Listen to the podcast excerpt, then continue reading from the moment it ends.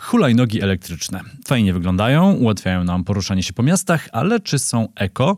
Patrząc na badania, to ich emisje bywają zbliżone do transportu samochodowego. Wszystko przez krótki cykl życia hulajnóg. Dodatkowo zaśmiecają przestrzeń publiczną. Ale czy to powód, żeby pozbyć się ich z miast? Gościem Zielonego Podcastu jest Kuba Czajkowski ze Stowarzyszenia Miasto jest Nasze. Obserwujcie stronę facebook.com kośnik Zielony Podcast i mój profil na Instagramie, polecam. Tam w mojej relacji zawsze dużo aktualnych zielonych informacji ale też okazja do zadania pytań kolejnemu gościowi albo gościni. To zaczynamy. Krzysiek Grzyman, zapraszam.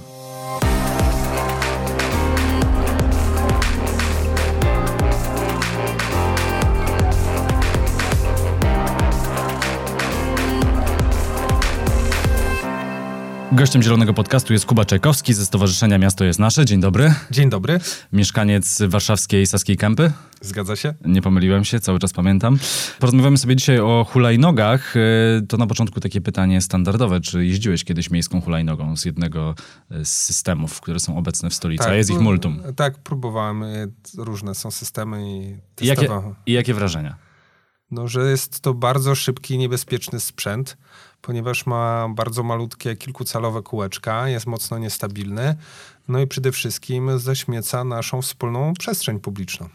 To, że zaśmieca, to na pewno. Swoją drogą Warszawa chyba jakoś słabo reguluje e, kwestie hulajnóg, bo na przykład w Krakowie są specjalne strefy do parkowania. Ale to nie jest rolą samorządu, żeby wspierać e, prywatny biznes. Trzeba wiedzieć, że to są bardzo wielkie korporacje, czy to e, wspierane przez branżę motoryzacyjną lub około motoryzacyjną, które inwestują w to jako po prostu lewar dla rozwoju tak zwanej elektromobilności. No cieszy mnie, że powiedziałeś to już na samym początku, bo ja też mam takie podobne wrażenie. Zresztą jak wchodził Uber do Polski, też miałem takie wrażenie, że wchodzi nagle jakaś duża zagraniczna korporacja, gwałci część przepisów lokalnych, albo przynajmniej się do nich y, nie stosuje, albo próbuje je nagiąć. I wydaje mi się, że to, co zrobił kiedyś Uber, i zresztą rozepchał się na rynku i ostatecznie stanęło po stronie Ubera, tak?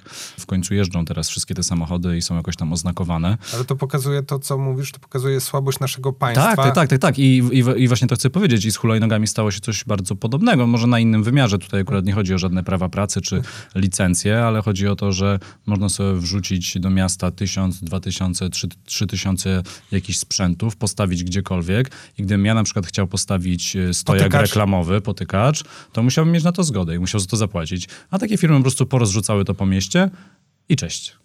Dwa lata temu, jeszcze przed COVID-em, e, na wiosnę, symbolicznie jako miasto jest nasze, E, zorganizowaliśmy happening na bulwarach, gdzie wystawiliśmy taki symboliczny rachunek fakturę. Jezu, już się bałem, że powiesz, że wrzuciliście te hulajnogi do Wisły. Nie, nie wrzucamy elektrośmieci do Wisły, więc... E, no właśnie, tylko do Pszoka.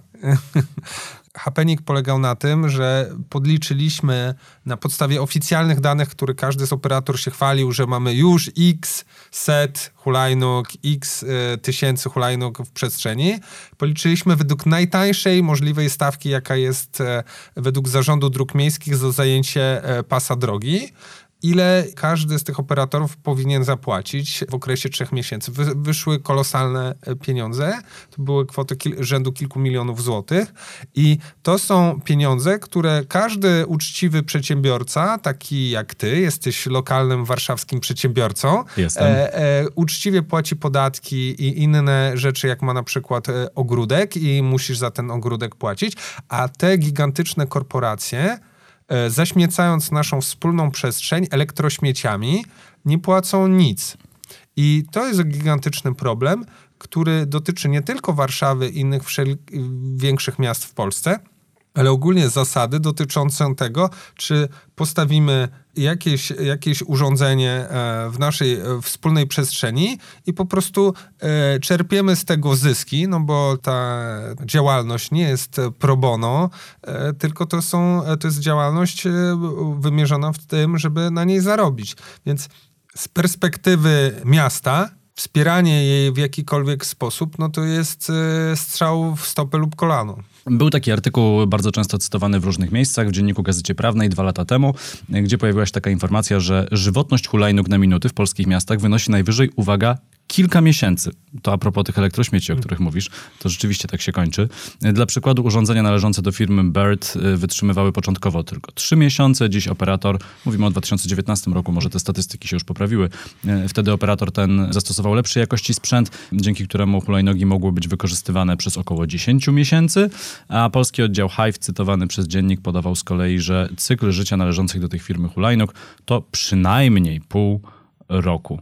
No a co się dzieje po tych kilku miesiącach, no to wiadomo. No oczywiście operatorzy chwalą się tym, że urządzenia trafiają później do recyklingu, y, ze środka trzeba wyjąć baterię, y, obudowa y, jest zwykle z jakiegoś stopu zrobiona, no a w praktyce te sprzęty po prostu zalegają w magazynach, na przykład w Warszawie Zarządu Dróg Miejskich, nikt nie chce ich odbierać. Doskonale powiedziałeś, chodzi o to, że jeden z czołowych operatorów, firma z taką e, limonką e, w logo... Nikt nie, nie zgadnie, o którą firmę chodzi. E, nikt nie, nikt nie zgadnie. Nie, nie, będziemy tutaj algorytmów uczyć, e, po prostu e, jak będą e, mowę naszą analizować, o jaką firmę chodzi. Natomiast słuchacze są na tyle inteligentni, że bez algorytmów doskonale wiedzą, o co, o co chodzi.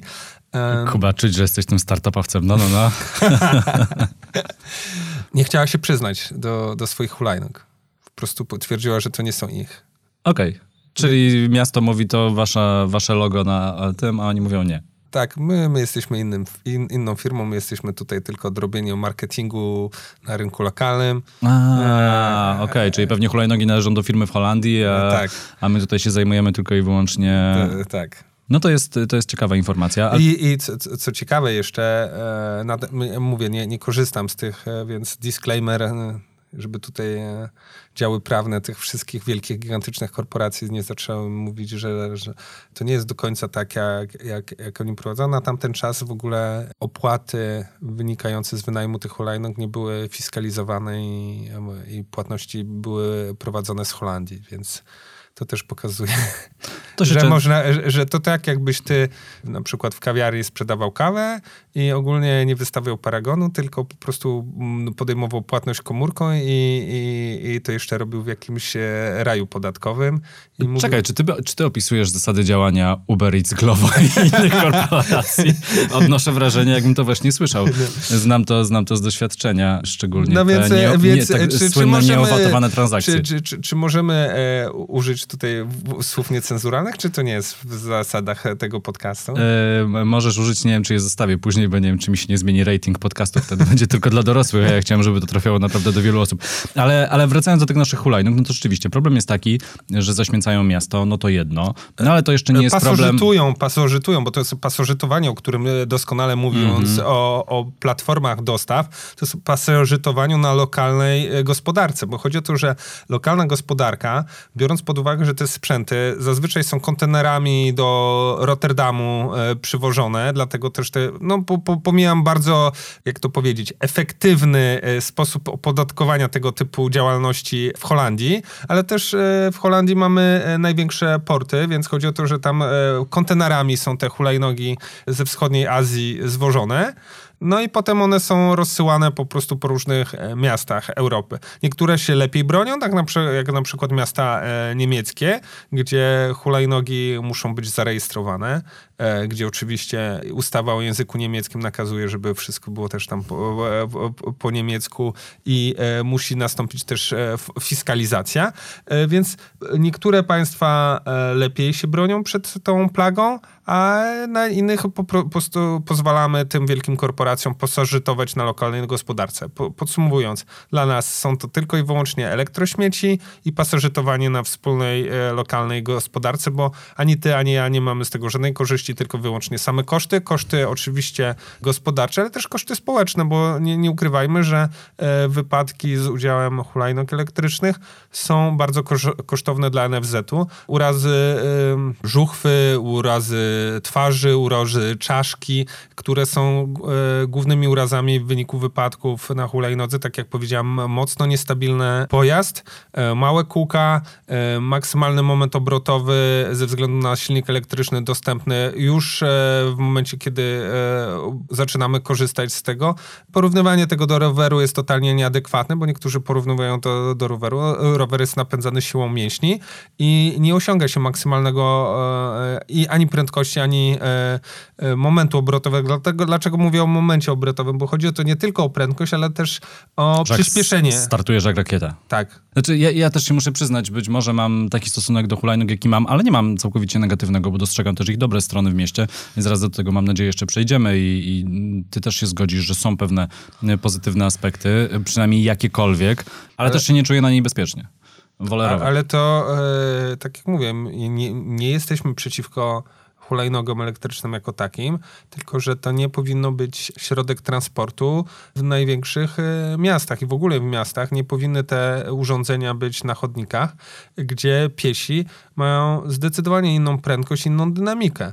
Chodzi o to, że e, pieszy na nadjeżdżający jak proca, tak jak powiedziałeś, e, hulajnogę nie jest, nie, nie jest w stanie po prostu e, przewidzieć ruchu, więc to jest totalna zmiana i nam zależy wszystkim. na Ale te- też nam jako Stowarzyszenie Miasta jest nasze. nam, mieszkańcom s- Stowarzyszenia Miasta jest naszym, jesteśmy głosem mieszkańców, więc Racja. z, z, zależy nam, by miasto było inkluzywne, było miastem od e, na, najmłodszych lat do, do wieku seniora, więc chodzi o to, żeby każdy czuł się bezpiecznie na tym chodniku, to nie możemy dopuścić do tego, żeby tak dynamiczne urządzenia po nim e, jeździły. To teraz e, te kwestie środowiskowe jeszcze dotyczące hulajnóg. E, No rzecz, która jest najbardziej oczywista i chyba każdy sobie z tego zdaje sprawę, te hulajnogi trzeba ładować. To oczywiście, że mamy problem w Polsce z energią pochodzącą w ponad 70% z węgla, o tym e, wszyscy wiemy, więc tak samo jak z samochodami elektrycznymi, tak samo z e, tymi hulajnogami, no zwykle pewnie ładowane są tą czarną energią. Pewnie jak ktoś, kogoś stać na samochód elektryczny, to częściej ma też panele na dachu, więc to się już trochę zmienia. W Polsce wydaje mi się, że Jest osób, też, które podpisały y, umowę na zielony prąd z gniazdka jest niestety niewiele. Tak Ale mi się jest też, wydaje. mamy też, dochodzimy do takiej sytuacji w Polsce, że się wycina lasy, żeby budować na nich miejsca panele fotowoltaiczne. To Tak, jest- mamy to na uwadze, tak, y, i wiemy, że to jest złe. Zdaje się, że w Białowieży teraz była taka sytuacja. Y, Jest to głośny, głośny temat, może jeszcze do tego kiedyś przejdziemy, no ale dobrze. Czyli teoretycznie można by jeszcze naładować te urządzenia zieloną energią. Czy to się dzieje w praktyce? Wydaje mi się, że w 99% nie, dlatego że, wie, że większość tych urządzeń ładowanych jest przez tak zwanych juicerów albo chargerów i to nie te firmy ładują te urządzenia, e, tylko tacy, nawet nie, że pracownicy. To się wszystko dzieje w ramach tak zwanego gig economy, e, co sprzedała nam Kalifornia, czyli taka forma zatrudniania bez zatrudniania, gdzie możesz mieć taką dorywczą pracę. W tym sezonie na przykład e, firma duża, amerykańska decyduje się na zrzucenie kilku tysięcy hulajnóg, a ty w w ramach za- dorabiania sobie możesz jeździć swoim na przykład starym dieslem i zbierać te hulajnogi wieczorem z miasta i rano je rozstawiać.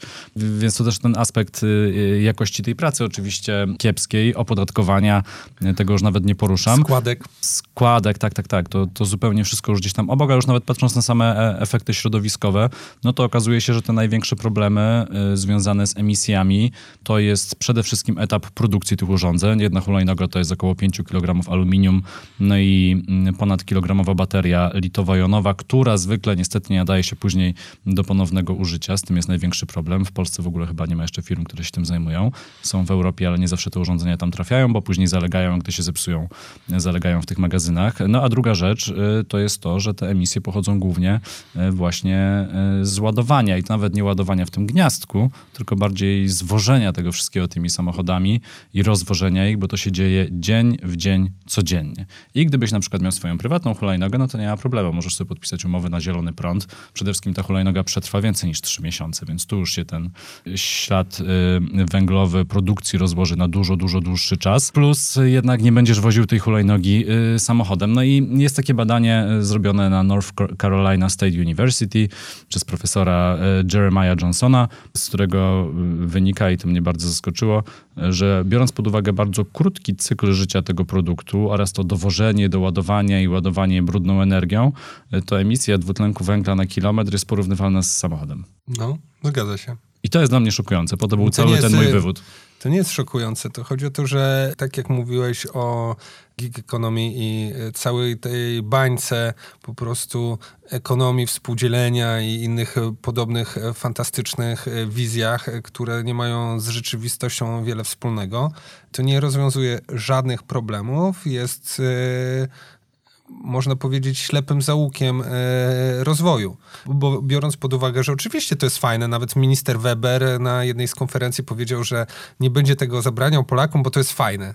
Ale czy każda fajna rzecz e, powinna być stosowana? Jest wiele fajnych rzeczy, których nie robimy, bo mają inne koszty, koszty środowiskowe, tak jak powiedziałem, koszty społeczne, koszty zdrowotne i to wszystko musimy uwzględnić, tak? Jeżeli mówimy o hulajnogach elektrycznych, to na etapie produkcji, na etapie et utylizacji, ale też mamy bardzo ważną rzecz, której, o której w ogóle się nie, nie, nie wspomina, to są koszty zdrowotne.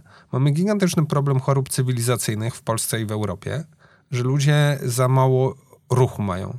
Że za mało się ruszają, za mało chodzą pieszo, za mało jeżdżą na rowerze, za mało mają aktywności fizycznej, ale nie na siłowni raz w tygodniu, tylko codziennej aktywności fizycznej, bo wszędzie jeżdżą samochodami. I zamiana pozycji siedzącej w kanapie na fotel czy w samochodzie na pozycję stojącą na hulajnodze elektrycznej jest tylko złudny i po prostu to nie jest żadna aktywność fizyczna. Więc ogólnie rzecz biorąc, jeżeli chcemy walczyć ze skutkami chorób cywilizacyjnych, takie jak e, nadwaga, cukrzyca, nadciśnienie i szereg innych chorób, które wynikają z tego, że mamy problem, problem jako społeczeństwo z osobami, które później doskwiera naprawdę bardzo uciążliwe dolegliwości związane z tymi chorobami, no to zdecydowanie powinniśmy promować aktywną mobilność. Aktywna mobilność to jest się poruszanie w sposób niezwykły zmotoryzowany. Tutaj nie, nie feruję, czy ma to być pieszo, na rowerze, na wrotkach, na szczudłach. E... Ty mnie zaskoczyłeś. Ale chodzi o to przede wszystkim, żeby każdego dnia poruszać się i rano i wieczorem, regularnie, każdego dnia nie po prostu e, dwa razy w tygodniu e, kalistenikę, tylko po prostu codziennie wystarczy spacer. I tu jest wszelkie badania WHO czy innych instytucji się zajmujących zdrowiem publicznym wskazują, że nie chodzi o to o wysiłek o dużej intensywności, tylko o wysiłek niskiej intensywności, ale w sposób regularny. I to trzyma nas przy zdrowiu. Kuba spojrzał mi głęboko w oczy, bo powiedziałem mu wcześniej, ile kroków robię średnio statystycznie w ciągu dnia i nie jest tak źle. W zeszłym tygodniu to było 9 tysięcy, a w ciągu ostatnich miesięcy... Ile było wczoraj, przypomnisz?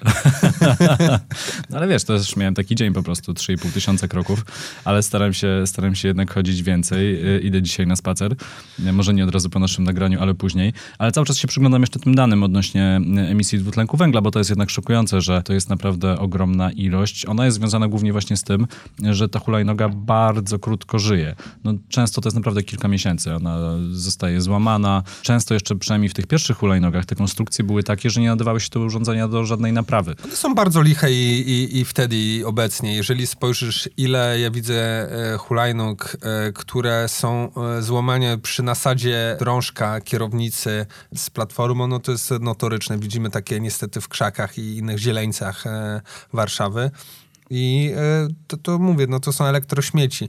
Niektórzy operatorzy są bardziej odpowiedzialni i sprzątają po sobie, niektórzy są totalnie nieodpowiedzialni i jak już jest hulajnoga zepsuta, bo oczywiście musimy wiedzieć, że jest tam też bardzo dużo elementów elektronicznych, które są bardzo ciężkie w ponownym re recyklingu. Te elementy to są tam różne komponenty służące do lokalizacji danego urządzenia, do zabezpieczenia go. No i w momencie, kiedy ten komponent informuje operatora, no, że przysłowiowo e, hulajnoga jest martwa, no to są dwie możliwości. Albo operator po prostu ją zgarnia, albo niektórzy operatorzy no mówią, no już, jak już jest martwa, no to po prostu już no, nic nie robimy. I, już się i, spłaciła. I, i, I, wiele, wiele właśnie mamy takich e, elektrośmieci w kawałkach, które są w warszawskich lasach, parkach. E, nawet w kanałku wystawowym co roku ZZW wy, wyławia e, hulajnogi z dna kanałku, więc... to, jest, to jest straszne. No ale to idźmy jeszcze dalej e, a propos tych badań i a propos tej aktywnej mobilności, bo to bardzo ciekawe. Była taka analiza prowadzona w amerykańskim mieście mm, Portland e, w Oregonie i tak, tylko jedna trzecia e, hulajnogistów i hulajnogistek powinno być, korzysta z tego środka transportu zamiast samochodu. Prawie połowa, gdyby nie e-hulajnoga, skorzystałaby z roweru lub poszła piechotą. Prawie połowa, ale ponieważ jest hulajnoga, no to wolą wskoczyć i, i postać chwilę w miejscu. Około 10% skorzystałoby z transportu publicznego, a, uwaga, i to jest moja ulubiona odpowiedź, 7-8% w ogóle nie ruszyłaby się z domu, gdyby nie było tej hulajnogi. Wyobrażasz to sobie? Pojechałbym gdzieś tam, ale a, nie ma hulajnogi, dobra, zostaję w domu. Więc e, to, co Krzyśku doskonale na podstawie tych badań pokazałeś, to co intuicyjnie e, czujemy też w Warszawie, że to nie jest prawdą, że te hulajnogi elektryczne zastępują e, kolejne kopcące samochody w naszych śródmiejskich przestrzeniach, to te hulajnogi zastępują chodzenie pieszo lub jazdę na rowerze. Więc to nie jest, że ta tak zwana mikromobilność zastępuje kolejny samochód, bo to by był bardzo pozytywny efekt tego, tak, że jeżdżąc na hulajnodze elektrycznej nie jedziemy samochodem. Tylko zazwyczaj, y, biorąc pod uwagę, że badania w Europie wskazują, że to jest tak zwany środek transportu ostatniej mili, mhm. Że nie, nie jedziesz hulajnogą z Łomianek y, do Raszyna, tak? No nie, nie jeździsz na, nie. Takie, na, na, na, takie odległości, czy... To by się chyba nawet nie opłacało. Tak, czy z, czy, czy z Marek na, do Bemowa, czy z Otwocka na Bielany, nie? nie? Nie jedziesz na takich dystansach po prostu hulajnogą elektryczną, więc zazwyczaj to są urządzenia, które są wykorzystywane na e, dość krótkich dystansach i na tych dość krótkich dystansach w pełni można by ten dystans pokonać pieszo lub na rowerze, więc e, w sposób aktywny, e, wspierając swoje zdrowie oraz też e, dbając o nasze wspólne środowisko i otoczenie. To sobie trochę ponarzekaliśmy i zwróciliśmy uwagę na mm, problemy mm, klimatyczno-środowiskowe związane z hulajnogami. Niezaprzeczalne, chociaż jeżeli jakiś producent czy, czy bardziej operator chciałby na ten temat podyskutować, to ja oczywiście zapraszam do podcastu. Myślę, że to będzie bardzo ciekawa dyskusja, też poznać opinie a przede wszystkim jakieś liczby y, z drugiej strony. To tak się zwykle składa, że później tych liczb po prostu nie ma i są to zwykle teorie napisane y, marketingowo bardzo ładnie, ale w praktyce... Y, Piękne okrągłe słówka. Tak, to w praktyce to nie działa, ale Przemek na przykład pisze w komentarzu do, do zapowiedzi tej rozmowy genialne rozwiązanie na zakorkowane miasta. Ogólnie urządzenia transportu osobistego to przyszłość przemieszczania się w mieście. Dobrze, że w końcu będziemy mieli przepisy regulujące te formy transportu. Może o tych przepisach jeszcze też słowo za chwilę powiemy, ale nie ma się co obrażać trochę na rzeczywistość chyba i Polska jest szczególnie takim krajem. To pokazał wspomniany wcześniej Uber. Wiele osób się oburzało na tego Ubera, ale jednak to Polacy bardzo polubili takie rozwiązanie i z hulajnogami jest to samo, więc chyba mimo tego, że ma to też negatywny wpływ na środowisko, może po prostu trzeba to regulować, regulować, regulować, wymuszać ten recycling, recycling, recycling, powodować, żeby te urządzenia miały lepsze konstrukcje, żeby dało się je naprawiać, żeby ten wpływ na środowisko był mniejszy, żeby operatorzy musieli dbać o te urządzenia na mieście, żeby ładowali je zieloną energią i może na koniec dnia coś się jednak zmieni na lepsze. Wątpię. Liczyłem, liczyłem, liczyłem na inną odpowiedź. Nie, Krzysiu, po prostu nie od dziś wiadomo, że jest bardzo dużo tak zwanego CSR-u i takiej korporacyjnej nowomowy, że prowadzimy dialog, że e, wsłuchujemy się w głos mieszkańców, ale niewiele z tego wynika.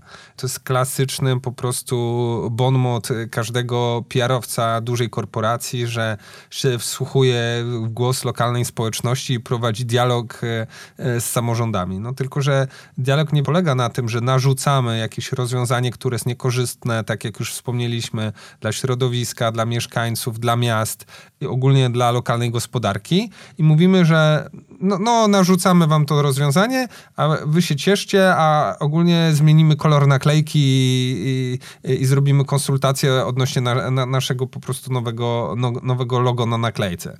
Nie, nie, nie na tym polegają po prostu dialog. Te rozwiązania, tak jak już e, wspomnieliśmy, są negatywnie wpływają na otoczenie i pod względem e, przepisów no, był bardzo silny lobbying wszystkich operatorów, szczególnie tych e, za oceanu, żeby uregulować to e, jak najłagodniej.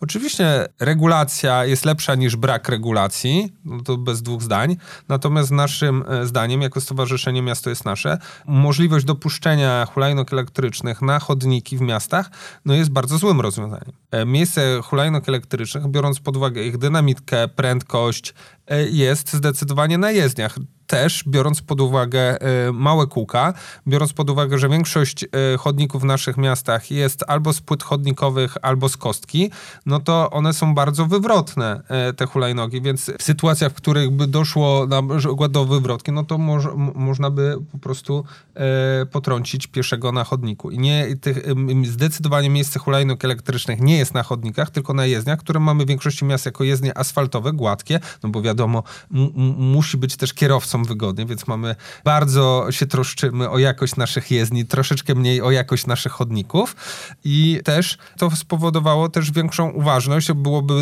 y, też y, pochodną tego by było to, że jeżeli by było więcej pojazdów na jezdniach, no to by była też większa uważność kierowców. E, to jeszcze tak dla porządku powiemy, że weszły nowe przepisy, właściwie wchodzą nowe przepisy, zależy kiedy słuchacie e, tego podcastu. W każdym razie hulajnogą będzie można co do zasady jeździć ścieżką rowerową.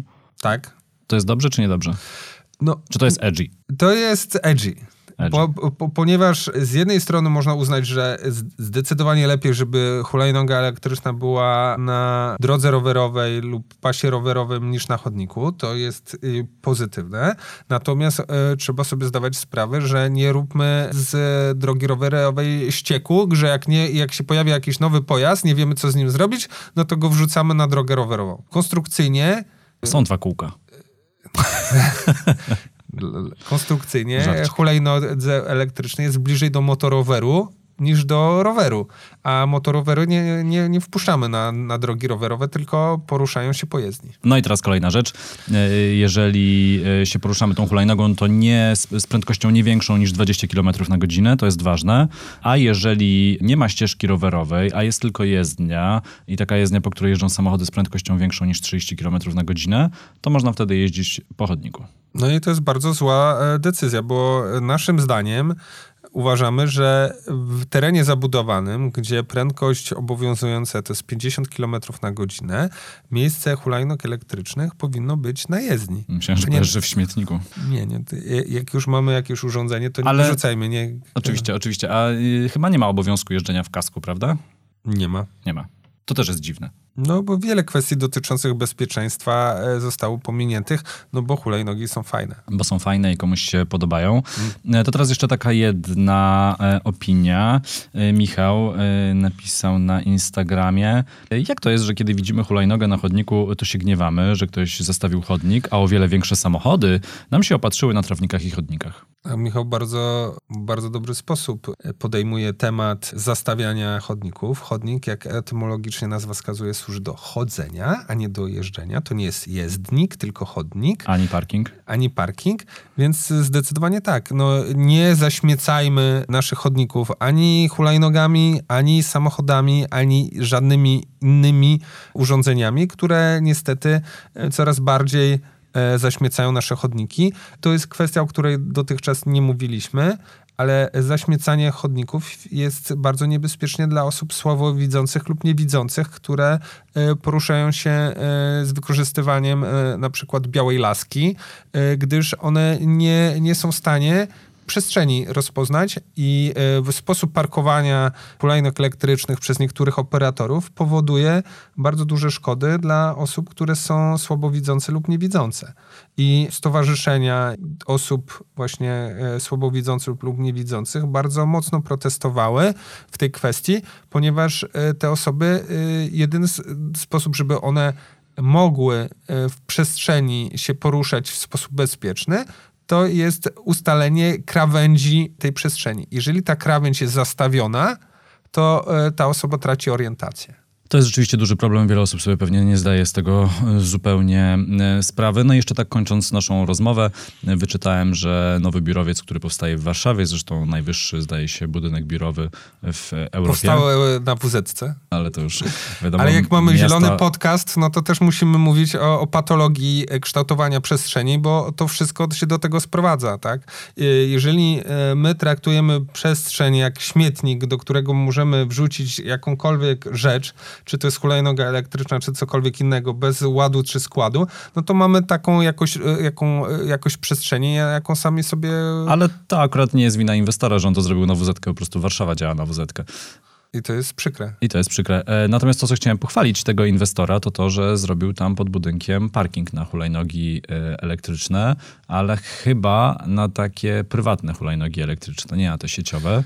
I co więcej, możesz sobie tam za darmo, jak podjedziesz, podładować tę hulajnogę elektryczną.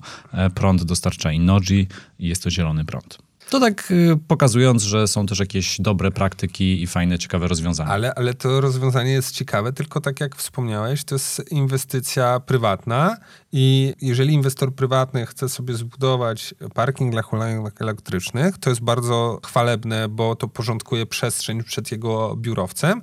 Natomiast to nie jest rolą miasta, żeby takie parkingi yy, budować. No ja bym powiedział, że mi by nie przeszkadzało, gdyby miasto powiedziało chłopaki, zrzutka, e, jakaś tam kwota od każdej hulajnogi, my zrobimy za to parkingi. O, bardzo dobrze powiedziałeś, zrzutka, tylko chodzi o że żaden z operatorów dotychczas się nie kwapił, żeby zapłacić cokolwiek za zajmowanie pasa drogi i mówię, ustawa o drogach publicznych już w tej chwili przewiduje y, możliwość naliczania opłat za tego typu pozostawione obiekty i niestety żaden z operatorów nie za bardzo się nie kwapi, żeby do z, z, swoją dolę zapłacić miastu za pasożytowanie na przestrzeni. Gdzieś mi umknęła tutaj ta wiadomość, ale wydaje mi się, że w nowych przepisach jest też mandat, czy opłata za odholowanie tej hulajnogi i jakaś opłata dzienna za trzymanie tej hulajnogi w magazynie. Zdaje się, że ta opłata dzienna to była 20 zł. Więc jak tam te hulajnogi się przemnoży, wszystkie hulajnogi razy liczbę dni spędzonych w magazynie, to okaże się, że część tych biznesów stanie się całkowicie mm, to już tak całkowicie zamykając naszą rozmowę, kończąc, yy, Kuba, no to jaka będzie przyszłość tej naszej mobilności w miastach? Oprócz tego, że mamy to robić aktywnie, to czego będzie więcej? Będzie więcej rowerów y, z takim dopaleniem elektrycznym? No bo jednak są, wiesz, górki, czasem trzeba gdzieś podjechać. To jest naturalne, że ludzie nie chcą być super zmęczeni przyjeżdżając na spotkanie czy do pracy. Ale to... to, jest dobre, dobra kwestia. Bardzo celne uwaga z twojej strony o rowerach elektrycznych. Rowery elektryczne działają w tej, w ten sposób, że to jest tak zwany silnik, asystuje y, twoją prędkość. Nie możesz odpalić po prostu manetki i, i, i wziu, tylko... Y, to już wtedy byłby skuter. Tylko y, ten silnik po prostu wspomaga, wspomaga twój wysiłek, wysiłek twoich mięśni i jest to zdecydowanie lepsze rozwiązanie niż jakiekolwiek inne rozwiązanie używające silnik spalinowy lub silnik elektryczny. Tak jak wspominałem mamy gigantyczny problem z brakiem aktywnej mobilności. Aktywna mobilność to jest przyszłość, bo to jest dbanie o nasze e, indywidualne, twoje, moje, nasze zdrowie, ale też dbanie o otoczenie, bo to nie generuje żadnego śladu węglowego. Chodzi o to, że nawet badania są, które e, dowodzą tego, że jeżdżąc na rowerze, no, mamy ujemny ślad węglowy, tak. Więc powinniśmy my indywidualnie jako e, rozsądni, roztropni i świadomi e, obywatele, mieszkańcy miast wspierać aktywną mobilność, ale też e, samorządy zdecydowanie powinny wspierać aktywną mobilność, bo jeżeli policzymy koszty środowiskowe, ale też koszty finansowe budowania infrastruktury, no to zdecydowanie taniej wybudować chodnik, ścieżkę rowerową niż kolejny pas miejskiej autostrady. I tym akcentem kończymy naszą rozmowę. E, ponawiam jeszcze apel z, z, sprzed kilkunastu minut. Jeżeli jakiś operator hulajnóg chce tutaj wejść to w polemikę, to bardzo zapraszam.